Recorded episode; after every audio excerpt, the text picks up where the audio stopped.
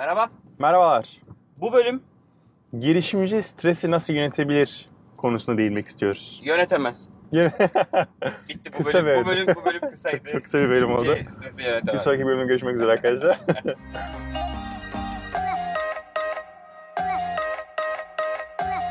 Yok şaka bir yana. Evet.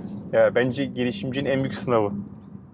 Yani aslında her iş için bu zor ama e, girişimci için doğal olarak standart üstü bir şeyler yapması gerektiği Evet. için standart üstü bir stresle baş etmesi gerekiyor.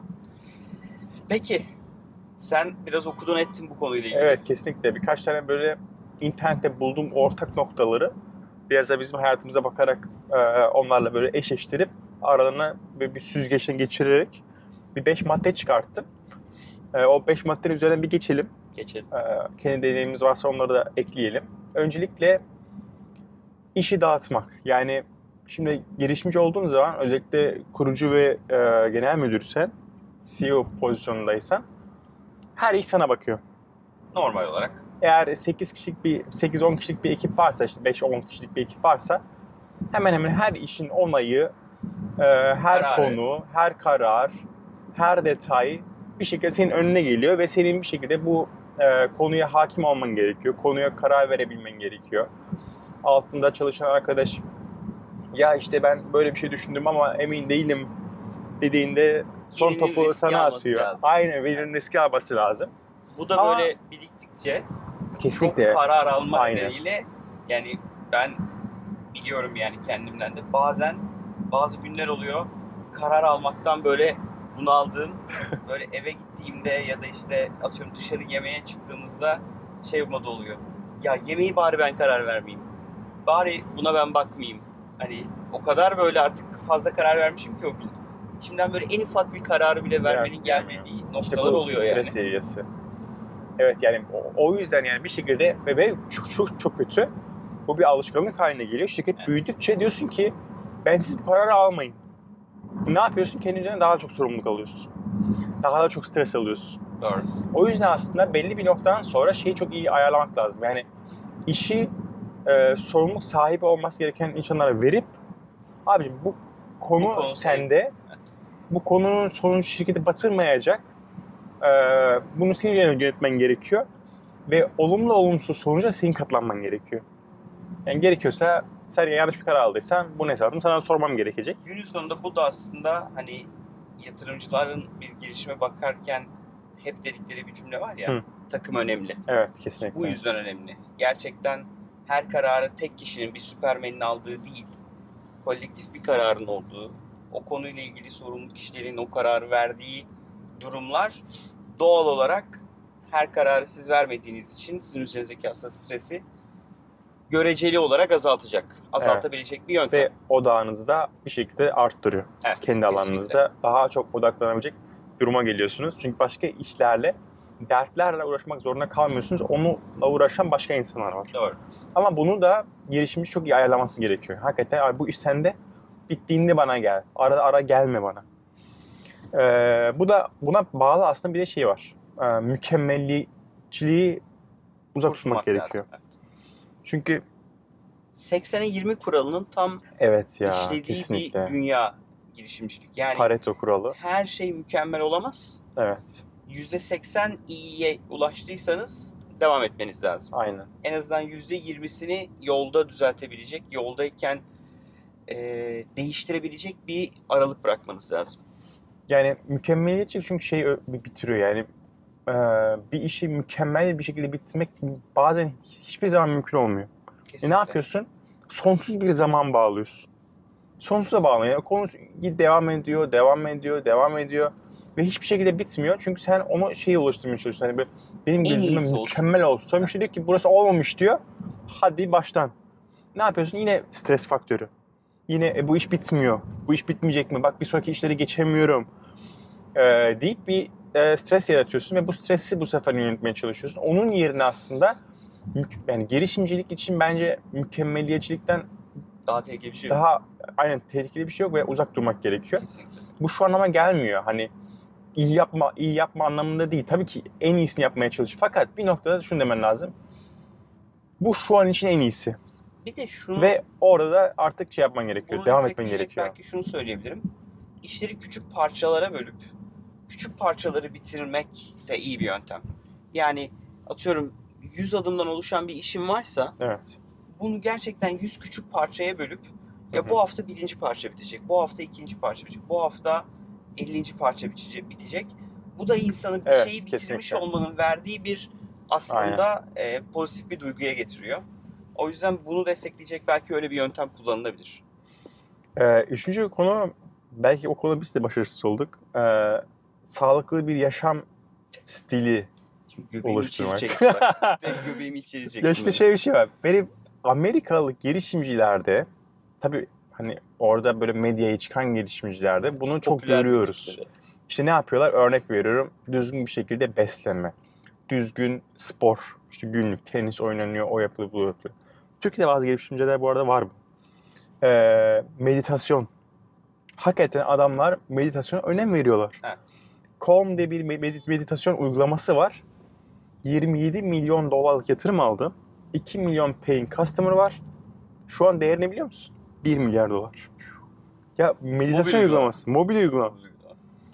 Ee, ve iki daha önemli iki, iki, iki konu iki önemli konu bu yine e, sağlık yaşam içerisinde E, sistematik olarak e, ara vermek işte bu şey de olabilir hani günlük yürüyüşler olabilir E, veya bir gün e, Off vermek. off olabilir. verme ama orada hani belki bağımsız bir şekilde tek başına işi düşünme her şeyden kopuk bir şekilde mail telefon yok kendi hani şimdi ne, neyi düşünmem gerekiyordu bunları düşünmem gerekiyordu o günleri onu halletme gibi ve e, tatil.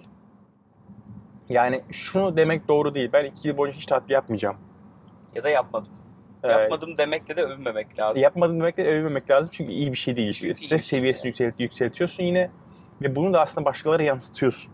Kesinlikle. Yani çok yapmak zorunda değilsin ama doğru zamanda bir haftada olsa kafa dinlemen gerekiyor. Ya ben hep şey diyorum. En kötü Perşembe pazar. En kötü Evet, evet. Cuma'dan pazara. Perşembe Yani aynen öyle. gerçekten böyle kısa da olsa tabii ki en azından bir hafta, en azından iki haftalık böyle tatiller yapabiliyorsa insan yani çalışmadan geçireceği böyle nadasa bırakmak derler ya Evet. tarımda yani nadasa bırakması lazım insanın kendisini. Çok yapabiliyor muyum? Hayır. Evet. Ee, ama bunun yarattığı eminim stres, eminim bunun yarattığı bir böyle bazen bıkkınlık, yorgunluk Vardır, oluyor insanlarda. Evet.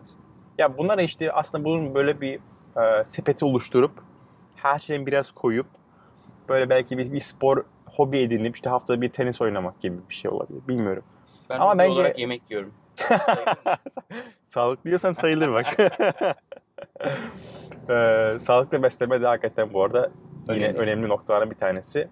Ya dediğim gibi Amerika Silikon Vadisi'ne baktığım zaman hakikaten böyle o adamlar mükemmel bir şekilde uyguluyor Bir gibi gözüküyor. yapmıştık, Hatırlıyor musun? Ee, fonlardan bir tanesi Evet. fondaki paranın yüzde beşini Ay e, Türk müydü? Aykut Şentürk galiba. Evet evet şey e, Felicis. Felicis aynen. Felicis'in e, son fonunda fondaki paranın yüzde beşini e, kurucuların işte sağlığı için, kurucuların kişisel gelişimi için, onların daha rahat bir hayat sürmeleri için harcamak gibi bir planları vardı.